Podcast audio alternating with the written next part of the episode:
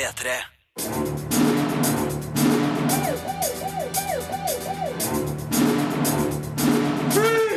Filmpolitiet! What's your name, dude? Birger Vestmo. What kind of stupid name is that? Wendy-effekten er morsom, men også litt tam om politi og røvere på Bøler i Oslo. Der vindene møtes er et stilsikkert og gripende mesterverk fra Estland. The Gift er en fin liten thriller med en gjennomgående ubehagelig følelse.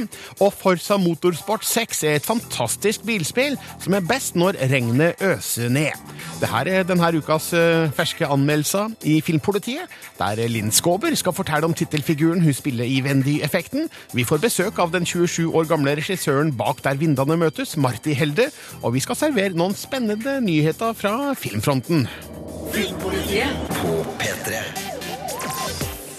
Wendy-effekten av regissør Ole Endresen har flere av Norges fremste komikere og skuespillere på rollelista, med Linn Skåber og Morten Ramm i front.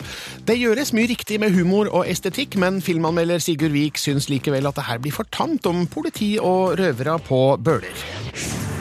Filmpolitiet anmelder film. Alle er en del av systemet. Systemet det må holdes i gang. Hvis ikke så blir det krakk. Ingen som vil ha krakk. Wendy-effekten sikter seg inn på å være en lettbeint underholdningsfilm og gjør mye riktig med humor og estetikk. Her lekes det med tidskoloritter og stereotyper, og det serveres noen aldeles herlige perler av situasjonskomikk. Du står ikke der og er sjalu på en død fyr. Historia har en kul setting på for anledningen helkriminelle Bøler i Oslo, men den mangler spenningstoppene, drivet og karakterene til å gjøre Wendy-effekten til en film som virkelig svinger. Og så er det trist at filmen ikke stoler fullt ut på sine egne styrker. Den har et par herlige situasjoner som dessverre overlesses med for mye prat og vitser. Dere må vite er at Bøler er en bydel med sin egen selvstyrte svarte økonomi. På Bøler i Oslo er den svarte økonomien viktigere enn den du fører opp i sjølangivelsen. Penger fra poker, prostitusjon og bingo. Alle sedlene flyter innom den lokale mafiaen og havner i en gedigen safe. En safe som kun kan åpnes med fingeravtrykket til mafiaens bankier, spilt av Nils Jørgen Kolstad. Men øh, bankieren han begynner å gå lei livet på Bøler og drømmer om å ta med seg sin elskede luksusprostituerte Wendy, spilt av Linn Skåber, til et liv i palmesus og dus. Så da denne bankieren setter i gang en plan for å tyste på Bølers kriminelle element, så tvinges det velsmurte kriminelle Bøler-systemet ut i full panikk. Det forstyrrer balansen i økosystemet. Wendy-effekten er litt av mye. Her lempes sjangerparodier, situasjonskomikk, homasjer, sketsjer og stereotypihumor oppi gryta samtidig. Tidvis er det kult og stilsikkert, med nikk til gangsterkomedier type Lockstock and Two Smoking Barrels fra 1998. Men i neste omgang så er det lettvint og opplagt buddycop-humor med smak av halvgod Hollywood. Jeg savner en bærende rollefigur i Wendy-effekten. Linn Skåber gjør en sjarmerende og tidvis morsom figur som eh, Wendy, men den karakteren klarer aldri å gjøre filmen til sin egen. Til det ser vi ikke nok sider ved den luksusprostituerte til at vi investerer noe særlig med følelser i hennes framtid. Da har filmskaper Ole Endresen mye bedre grep om birollene. Både Christian Skolmen og Kristoffer Hivju gjør tydelige typer, som vi husker, og de suppleres av et herlig arsenal av småroller. Bjarte Tjøstheim kanaliserer sin indre Terry Gilliam og leverer en scene som ikke står tilbake for Monty Pythons kroppslige komikk. Og Atle Antonsen får æren av å levere filmens morsomste monolog i sin hverdagslige betraktning rundt sidesprangets moralske kvaler. Og sånne knallgode øyeblikk gjør Bendy-effekten til en helt greit underholdende kinoopplevelse for dem som setter pris på komedieaction med løs snipp og kjapp replikk. Terningkast tre.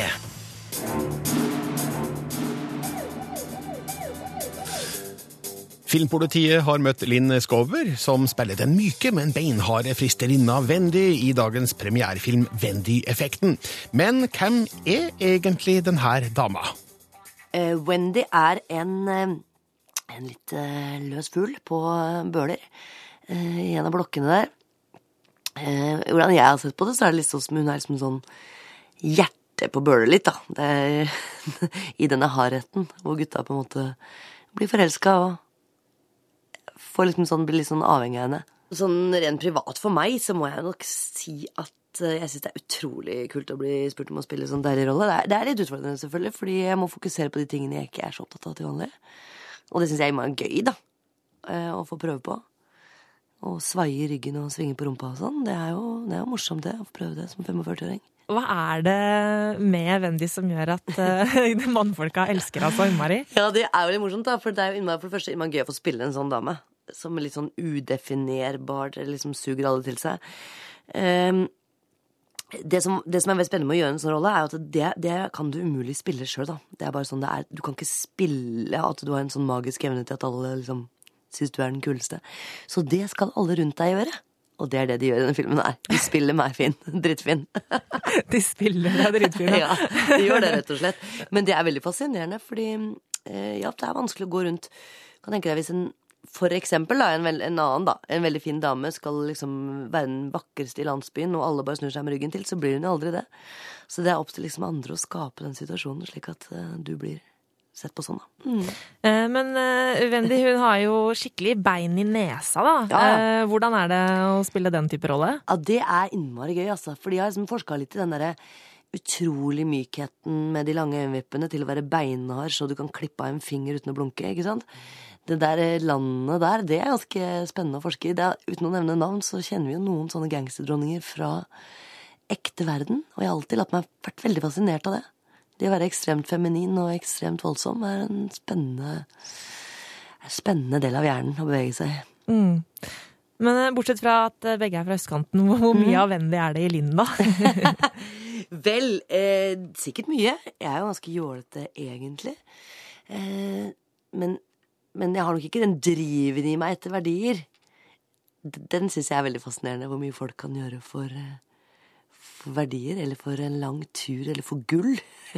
det, det er litt sånn langt fra meg, da. Mm. Fordi jeg alltid har tenkt sånn at ja, ja, i enden av den gulltunnelen, der står det en solseng og skatteparadis, og alt er helt fantastisk.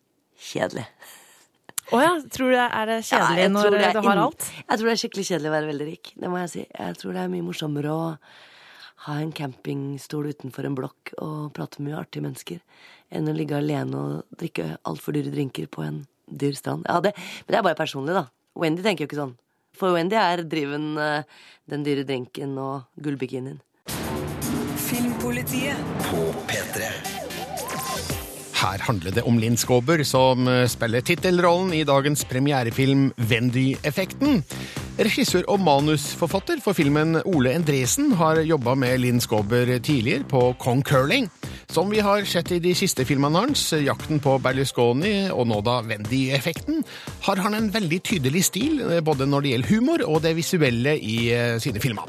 Linn Skåber syns det her gjør Endresen spennende å jobbe med. Det er veldig spennende. altså. Han har veldig klare tanker om ting og hva han vil lage. Sjangerbevisst, ikke sant. Og eh, ja, ganske klare tanker oppi huet før han setter i gang. Eh, selv om det har gått fort da, mellom disse filmene, så har det på en måte blitt en triologi. Og det har han vel vært bevisst på siden begynnelsen.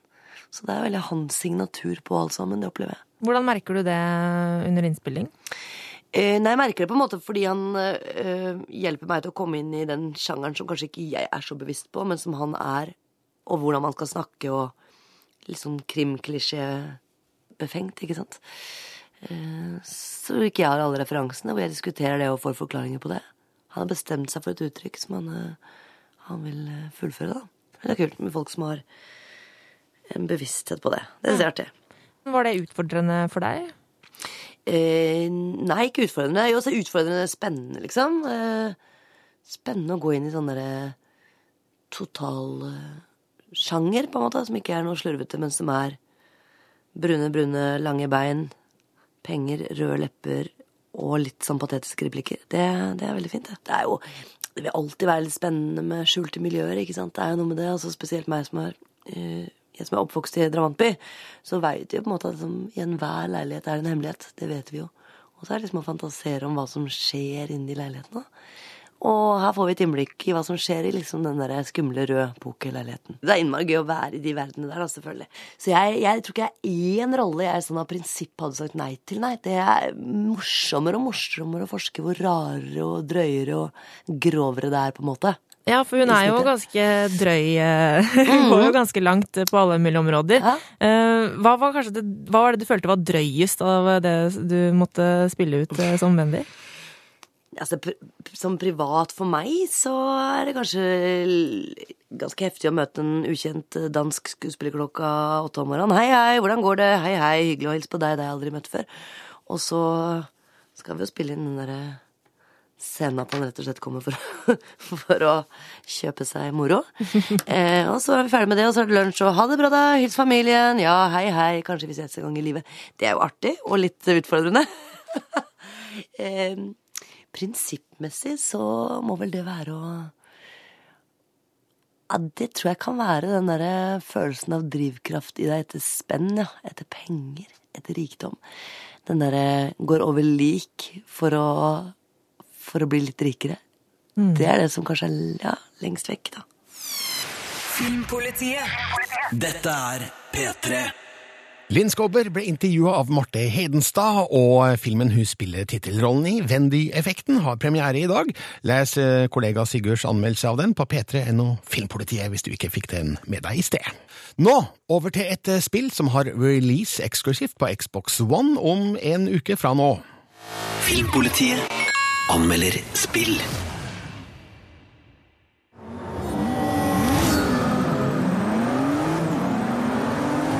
Forsa Motorsport 6 er rett og slett et fantastisk bilspill. Det gjør som sine forgjengere og legger seg på et behagelig sted mellom arkade og simulator. Hvor langt den ene eller andre veien du vil at spillet skal gå, er i stor grad opp til deg sjøl. Xbox One-kreftene er lett å få øye på når det glinser i lakk, når vann spruter mot frontrute, eller når lys bryter nattemørket. Det som skuffer litt, er den konservative tilnærminga til racingsjangeren. Mye er som før, både når det gjelder brukergrensesnitt, banevalg og karriereprogresjon. Heldigvis holder Forsa Motorsport 6 høy kvalitet på nesten alt, slik at dette er et sikkert valg for deg som trenger et nytt og bunnsolid bilspill på Xbox One. Welcome to the Secoito Jajillo, a course that takes drivers from the shores of Copacabana Beach to the vistas of Corcovado Mountain. Racinga foregår på 26 baner over hele verden, 12 flere enn i Forsa 5, som f.eks. på gamle kjenninger som Hockenheim, Brands Hatch, Nürburgring, Silverstone og Indianapolis. Alle bana er praktfullt presentert med troverdig variasjon i veidekke, værforhold og omgivelser. Bilene er som vanlig omhyggelig gjenskapt med høyt detaljnivå, spesielt i måten lyset reflekteres i lakken. Alt presenteres sjølsagt i 1080P og 60 bilder i sekundet, til tross for økt detaljnivå, og sørger for silkemyk flyt hele veien. You will drive and collect the greatest cars in the world. But I'll guide you through a short three race qualifying series. Endelig har Forsa-serien fått racing i regn og mørke. Dagløp i oppholdsvær er fremdeles den vanligste varianten, men det er når regnet øser ned at det blir ordentlig interessant. Her overbeviser spillet med gode væreffekter, som virkelig påvirker kjøringa di om du ikke er på vakt. You have successfully applied your first mod. Forsa Motorsport 6 har en enestående flyt i racinga, godt utvalg av både biler og baner, og har lykkes virkelig godt med regnværet. Lyden av grombilene er også ekstremt godt presentert, og spenningsmusikken, som kan slås av om ønskelig, gir kjøringa litt ekstra nerve. Forsa Motorsport 6 representerer kanskje ingen revolusjon i sin sjanger, men gjør det godt der det teller mest, og det her er kanskje det peneste bilspillet jeg har sett. Terningkast fem. Les mer om film, spill og serier på p3.no Filmpolitiet. Og nå er Marte og Sigurd her sammen med meg. Vi eh, har kikka litt rundt på eh, ting som har skjedd på eh, nyhetsfronten den siste uka når det gjelder ja, spesielt film, da. Og Sigurd André Øvredal, Trolljegeren-regissøren, Ja. han drev og lukte på Hollywood. Det, det, det er rapporter som kommer fra Hollywood, eller Variety, det her bransjenettstedet, som tyder på det. De har en eksklusiv om at uh, Maren, som, som snart også er klar med en, en ny film som snart er ferdig, som heter The Autopsy of Jane Doe, er klar for en enda ny film som heter Emergence. Science fiction, det her. Eh, om, en, eh, om noen gruvearbeidere på en måne, og så kommer det en sånn rogue eh, extraterrestrial-sak som uh, går bananas. Spreads like wildfire. Og så truer de her gruvearbeiderne. Da. Så det høres jo litt sånn uh, lekkert eh, Litt sånn i, i aliens-land. Ja, det var akkurat det jeg også tenkte da jeg hørte det, Sigurd. At jeg syns det virka litt sånn alien-aktig. Ja, Veldig sjangerfilm. Ja, men uh, gjerne, sier jeg. Altså, det er på tide at André Øvredal får gjort noe nå, fordi det er allerede Er det fem år siden Trolljegeren nå? Eh, det Det er det begynner å bli. Så, Omtrent. Ja. Men den eh, Autopsy of Jane Doe som kommer snart, den ser veldig lovende ut. Ja. Eh, den, den gleder jeg meg til. Med Brian Cox og Emil Hirsch. Ja. Ja, nei, men Det blir spennende. Eh, Marte, vi har også registrert at eh, den, den norske skuespilleren Anders Danielsen Lie lukter på utenlandsk film. Ja, det er veldig spennende. Han skal spille mot Kristen Stewart eh, i Olivier Assaya- Assayas eh, neste film. Og han er jo en kjempespennende filmskaper. Eh, Birger, du ga jo terningkast fem til den forrige filmen hans, 'Silten Maria. Ja. Og der spilte jo Kristen Stewart også. Så det er tydelig at han har fått en liten sånn greie for henne. Men vi, har, ikke- fått vite noe om hva Danielsen Lie skal spille da, i filmen. Men jeg syns det er veldig kult at han eh, på en måte blir plukka opp eh, av en eh, filmskaper eh, som Assayas. Ja, Det er vel ting som tyder på at det, vi skal kanskje ikke til den store kommersdelen av filmverdenen her, da. Nei, det skal vi nok ikke. Det virker som Kristen Stewart søker seg bevisst vekk ifra det. Ja, hun har jo vært litt sånn i indiefilmland de siste åra.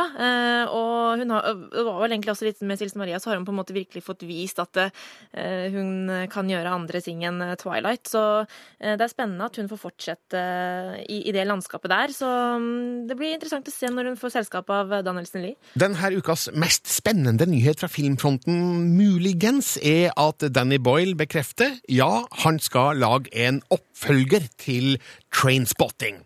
Og eh, vel, dette har mange kanskje venta på en del år. Det er jo tross alt nå skal vi se 13 år siden oppfølgerboka til Trainspotting kom, som heter Porno.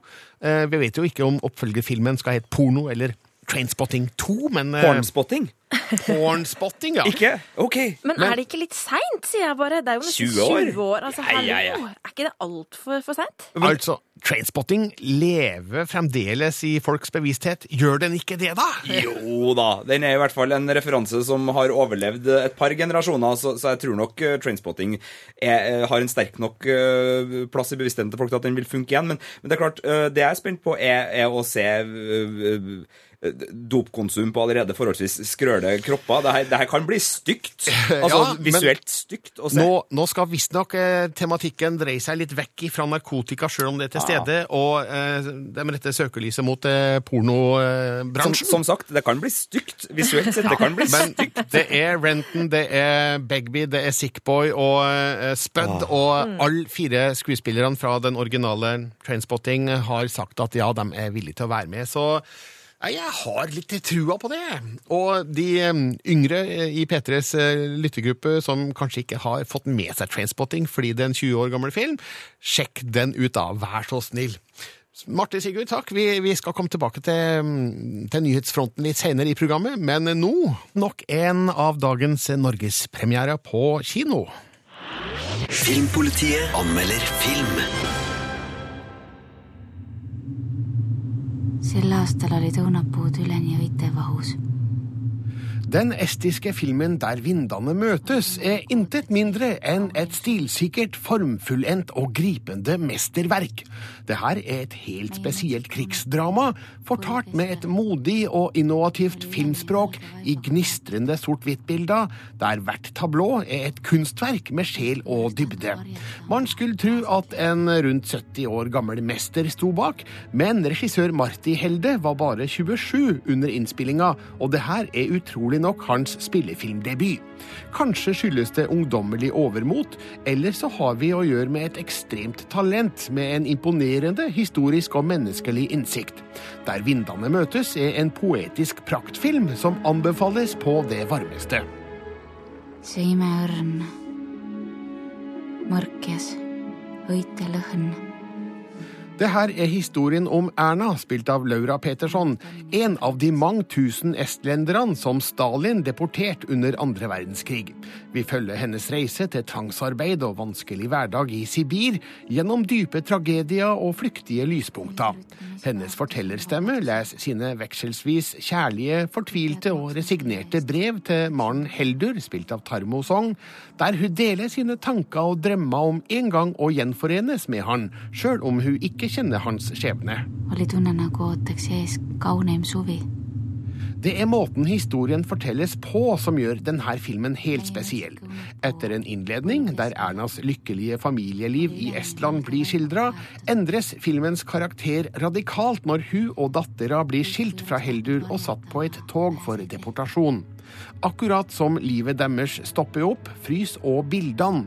Kameraet sveiper gjennom velkomponerte tablåer, der trær svaier, hår flagrer og øyne blunker, men alle mennesker er frosset i sine positurer. Det gir en helt spesiell effekt, som om historien fortelles gjennom gamle sort-hvitt-bilder som er levende, bare ikke. justkui oleks tahtnud varjata oma väheseid lehti. Der vindene møtes er popkornfilmens rake motsetning, men fortjener et stort publikum. Handlinga har paralleller til flere aktuelle problemstillinger. Det handler om russisk aggresjon mot et lite naboland.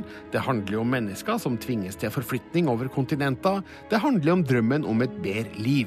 Med Der vindene møtes har Marti Helde prestert en fantastisk film med et sensasjonelt uttrykk som jeg tør vedde på ikke ligner noe du har sett på kino før. Heldur, ütle, mis väärtus on vabadusel?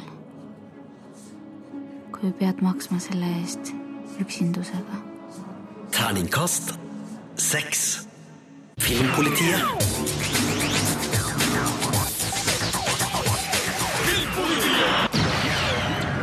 I sted anmeldte norgespremierefilmen Der vindene møtes til terningkast seks, og nå må jeg skru over til engelsk fordi jeg har fått besøk av regissør Marty Helde. Welcome to the show, Marty. Hello. Hey, um, your movie has been around for a year and a half already. Um, have you gone to a lot of fancy film festivals with this one? Mm, yeah, the festival the circle has been around 30 festivals for me. I mean, I haven't been all of them, but uh, I think around 15 into my account. So, lots of traveling with this film. Yeah, you're not tired of it yet? Uh, well, I'm getting tired, so I, I said that October is my last uh, last festival, and then the film will live its own life. So it's enough for me. Yes, we have to talk about the movie, though. Um, you heard my review. Um, uh, I guess you didn't understand a word of it. No, no, but um, over the moon for it. It's it's a great, great movie. I, I actually used the word masterpiece, and uh, you've been around to the festivals. Uh, have you got gotten similar reactions everywhere?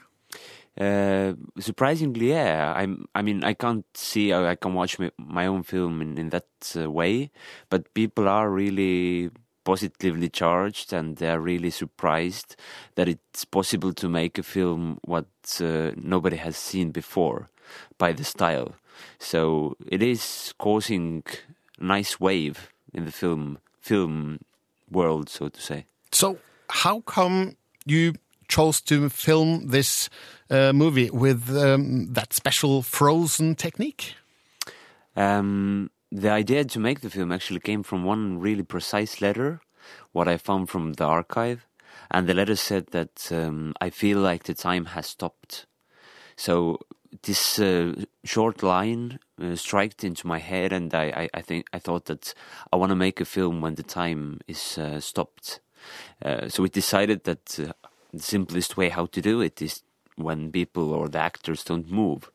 So the only moving element is the camera. So that was the manual way how to stop the time, not use uh, CGI or the computer graphics. But to film the movie this way must have been a logistical hell. Oh yeah, especially for the producers and for the for the rest of the crew. I mean, it's uh, it's lo- it's it's like a theater or it's like a it's a like a, it's like a project. It's not the filmmaking. Usu- Usually, filmmaking is just uh, rearranging the camera positions and moving people and talking and running.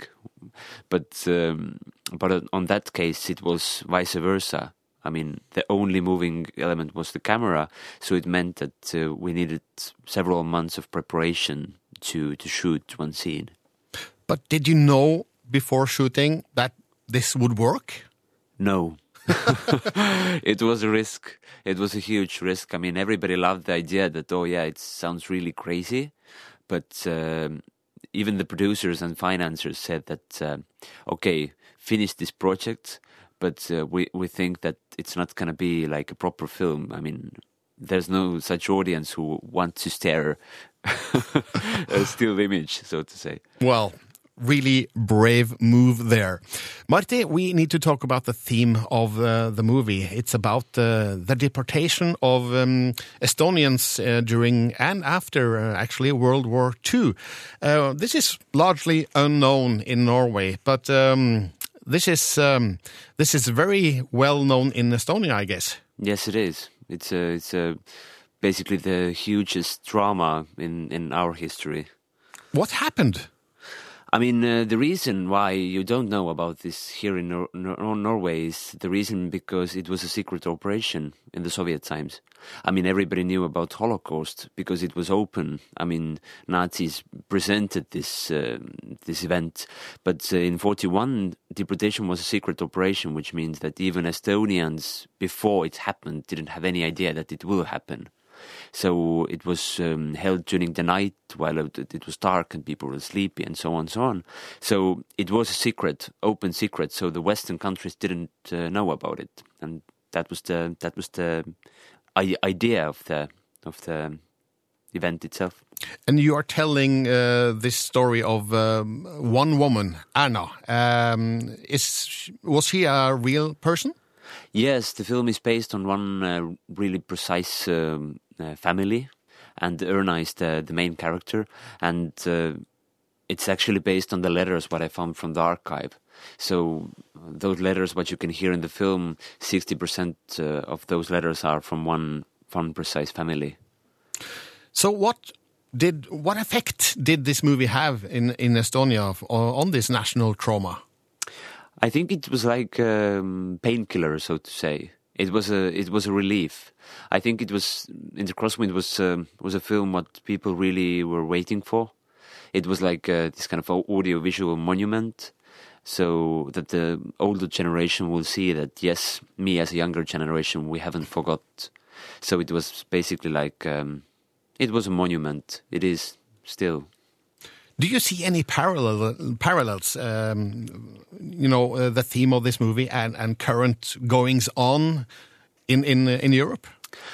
Yeah, I've I've talked the same thing about my friends, and the thing is that um, in forty one and forty nine, when there were deportations to Siberia, then Estonians were forced to migrate to Siberia, and uh, as well, I mean, to escape from the war, then as well in Norway and to Sweden. So and and I'm thinking about the migration that the Estonians were really warmly warmly welcomed, uh, especially in Sweden and Norway.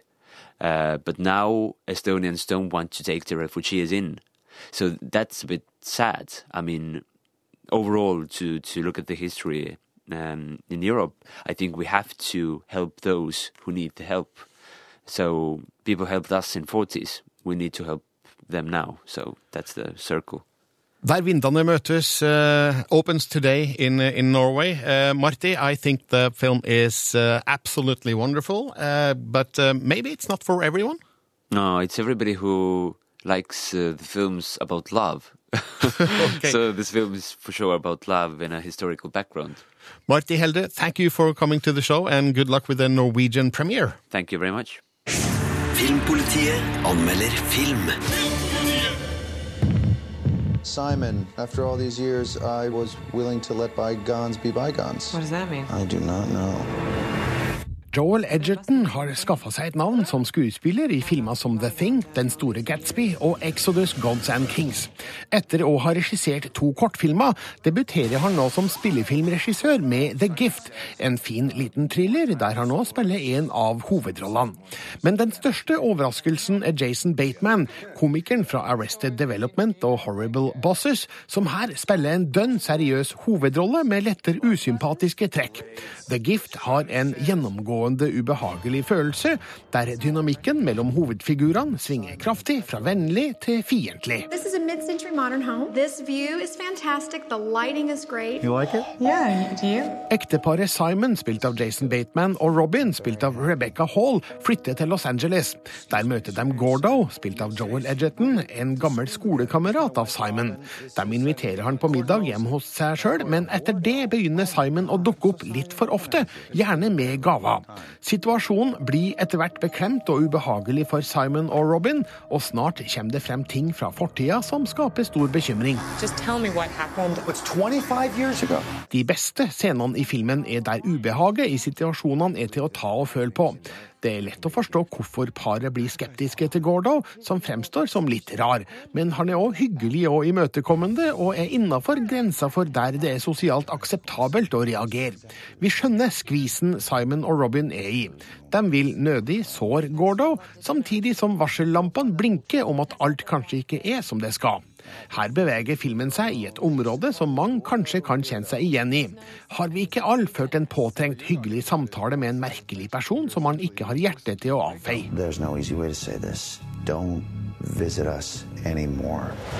Jason Bateman og Rebecca Hall gjør fine figurer som Simon og Robin, som gis en troverdig forhistorie gjennom små hint. Senere utviklinga i filmen gjør at det kan stille spørsmål ved hvor godt de egentlig kjenner hverandre. Men historiens gang byr på interessante overraskelser, noen av dem forutsigbare, andre ikke.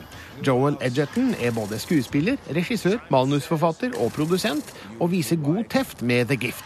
Dette er en tett thriller der ubehaget er sterkere enn den rene skrekken. You think you're done with the past, past is not done with you.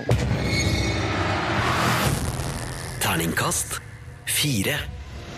Les mer om film, spill og serier på p3.no Filmpolitiet. Og så skal vi snakke om nye ting på film- og TV-fronten.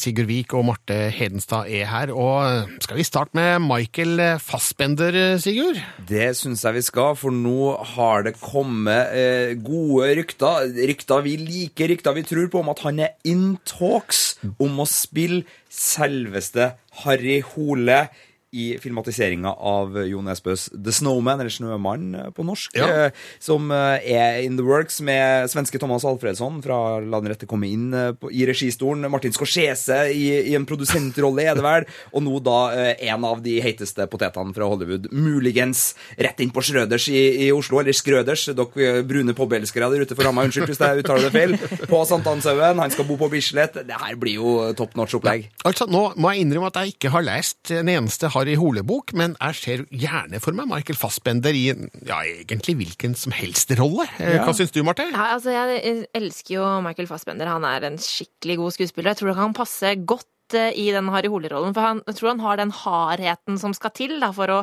å, for å være liksom eh, slitne Hole.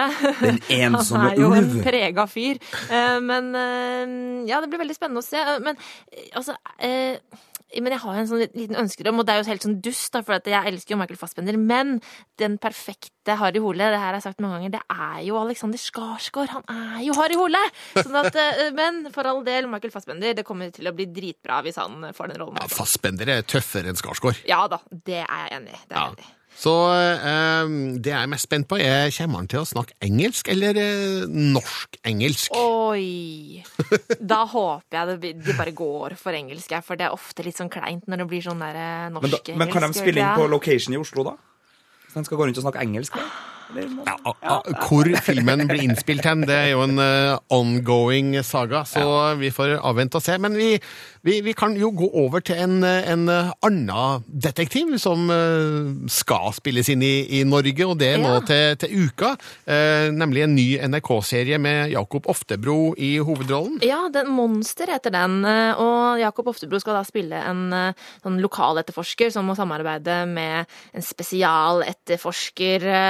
Og det er jo da ja, spesialetterforskeren som da Oftebro skal spille. da. Han heter Joel, eller Joel Dreyer. Um, og det er, det er oppe i nord det handlingen utspiller seg, eh, og det er noe drap på gang. Og så er det selvfølgelig uh, masse drap som de da finner ut at uh, de må ha en sammenheng. Um, og uh, rollen til Oftebro det skal da være en litt sånn veldig dyktig, men inneslutta og arrogant fyr. Og altså, jeg synes er ikke det en sånn type rolle vi har liksom sett veldig mye i sånne etterforskningsfilmer i det siste? Jo, det har vi nok eh, kanskje gjort, så eh, vi får eh, avvente og se om det skjer noe spesielt med denne figuren. da. Men Oftebro er jo en veldig god skuespiller, så det blir spennende å se, eh, tror jeg. Og også serien skal regisseres av Anne Sewitsky, som Mm. er et eh, veldig solid navn. Så Yes. jeg syns det her høres veldig spennende ut. det. Med Bjørn Sundquist som lensmann, selvfølgelig. Ikke minst, for å ikke glemme det det. Men siden Monster da er en NRK-serie, så skal vi kanskje ikke snakke altfor altfor positivt om Nei, det er den. ikke sikkert den blir bra i Da hele blir tatt. det reklame. Da blir det reklame, så det kan vi ikke. Men vi skal eh, over til en, eh, en helt annen fyr og en helt annen film, eh, nemlig eh, Michael Moore og Where to Invade Next, som hadde premiere i natt på filmfestivalen i Toronto. Og en del husker kanskje at det var noen skriverier i mai i år om at eh, Michael Moore var på opptak i Norge, Ja. og hadde intervjua Trond Henry Blattmann, som eh, leda støttegruppa etter 22. juli-hendelsene. og eh, det var jo veldig hemmelig da, hva slags opptak det her var snakk om, og hva slags film det skulle bli. Og nå er Where to eh, Invade Next ut, og man skulle jo tro ut ifra tittelen at det handla om eh, USAs eh, krigføring her og der over hele verden gjennom mange tiår. Men så er det ikke det. Ifølge anmeldelsene fra The Hollywood Reporter og Variety, som er veldig positive, så er det en gladfilm om eh, eh, hva andre land gjør som eh, USA ikke får til. Og det handler om helsevesen og fengselsvesen og skolevesen, og, og i hele tatt han er på rundreise i Europa og samler inn gode ideer til til, til, til USA, som eh, kanskje kan få litt inspirasjon til å gjøre ting forskjellig. Og eh, Nå har jeg ikke helt fått rede på hva Blattmann-sekvensen går ut på, annet enn at han i filmen skal si at han eh, ikke har rett til å gjengjelde det som skjedde med hans eh, sønn overfor eh, drapsmannen fra 22. juli. Eh, og det er mulig også at det handler litt om norsk fengselsvesen, som jo har en litt mildere form da enn det amerikanske, kan vi si det sånn. da. Ja, og jeg leste jo med en gang anmeldelsene fra Hollywood Reporter og Variety. Selvfølgelig på leting etter om de skrev noe om eh, det som var med fra Norge fra filmen. Det var ingen som skrev noe, så jeg er veldig spent på, på hva det er som eh, liksom, vi får se, da, og hvordan det fremstilles. Litt sånn navlebeskuende. Sånn som vi alle er, Marte. Men vi får helt sikkert se Where to Invade Next eh, i Norge på et eller annet tidspunkt, men nå er den i hvert fall ut i verden på filmfestivalen i Toronto. Da gir vi oss for denne gangen. Hjertelig takk, eh, Marte og Sigurd. St. Vincent gikk på kino litt eh, tidligere i år, men eh, jeg tror ikke den ble sett av veldig mange. Jeg finner den ikke på topp 100-lista over eh, årets mest sette filmer. Men eh, nå kan Bill Murray-fansen se den på Blu-ray og DVD. Her er anmeldelsen som Sigurd Vik har gjort av filmen. Filmpolitiet anmelder film. I want to close this account. $112.14. All right, small bills. No, you're overdrawn that much. What does that mean? It means you hit zero. Here's zero. You went below zero. Okay. Bill Murray storspiller som egoistisk og alkoholisert drittsekk i St. Vincent. Dessverre så får gamlefar lite hjelp fra et forutsigbart og tidvis klissete manus, og den lettvinte feelgood-humoren fra de øvrige skuespillerne blir stående i grell kontrast til Murrays finspilte misantropi. This is my tree. You wrecked. Stay here. I'm calling the cops. Is everything okay? I'm Maggie. I guess I'm your new neighbor. So? Well, we're moving in. Murray er Vincent, en livstrøtt slacker som eh, er jevnt over motbydelig mot alle han møter. Men når guttungen Oliver flytter inn i nabohuset, og Vincent begynner som barnevakt, så tar livet en ny retning. I can watch the kid after school. I can do $11 an hour. Let's go! Here's a dime. Call your mom. Costs more than a dime. All right, here. Costs more than that. Call collect. Dette er et klassisk uventa vennskap som utvikler seg, og vi blir med på turen hvor Vincent skal lære puslete Oliver om livet på travbanen og på bar, og guttungen prøver å børste støv av hjertet til den gretne gamle gubben. I'm gonna show you one thing. Do it right, and break the guy's nose. Break his nose. Relax. You're not gonna get it right. Rollen som Vincent er hjemmebane for Bill Murray. Den trekker godt på flere av hans sterkeste sider og prestasjoner. Her kanaliseres livstrøttheten fra Lost in Translation, brekkekkelheten fra Groundhog Day og sarkasmen fra Ghostbusters. Og på sitt beste så er St. Vincent en modig film som med smart og treffende situasjonskomikk retter skyts mot et amerikansk samfunn som mangler empati for sin lavere middelklasse. Men St. Vincent er også en annen film. Det er en ganske klisjéfylt historie om hvor bra livet kan være hvis du bare tar imot litt hjelp fra vennene dine, og som skamløst tyr til plump humor i smått desperate forsøk på at alle som er i kinosalen, skal få litt å le av. Det verste eksempelet er Naomi Watts, som spiller den gravide prostituerte Daka i en 'Å nei, jeg er for gravid for å danse på strippestang'-sekvens. Det er som om filmen plutselig krasjer med sexkomedien Eurotrip, øh, for dem som husker den. So, how do you and Vincent know each other? I'm working for this man. I go hard. I'm also dancer. Who is she? A lady of the night. Do you know what that means? She works at night. Regissør Theodore Melfi skal derimot ha ros for et godt øye for friske utsnitt og flott dekor. Vincent sitt slitte hus er et velkomponert rottereir av fordomsprakt og kraftig forfall. Og det er mye kvalitet i St. Vincent. Hvis du er glad i Bill Murray, så er det her som en liten Best of-samling å regne. Og hvis du liker å gråte på kino, så er det her trygg, tårevennlig feelgood bygd over klassisk Hollywood-mal. Why is he mowing your dirt patch? I'm showing him how the world works. You work, you get paid, you drink. Are you drinking alcohol? I honestly don't remember. Sånt eh, treffer også meg, og jeg kan aldri ta tilbake tårene som lurte seg fram i øyekroken under filmens siste kvarter. Men jeg kan irritere meg over en film som ofrer gode tilløp til både ettertanke og systemkritikk, til fordel for en lettglemt klump i halsen.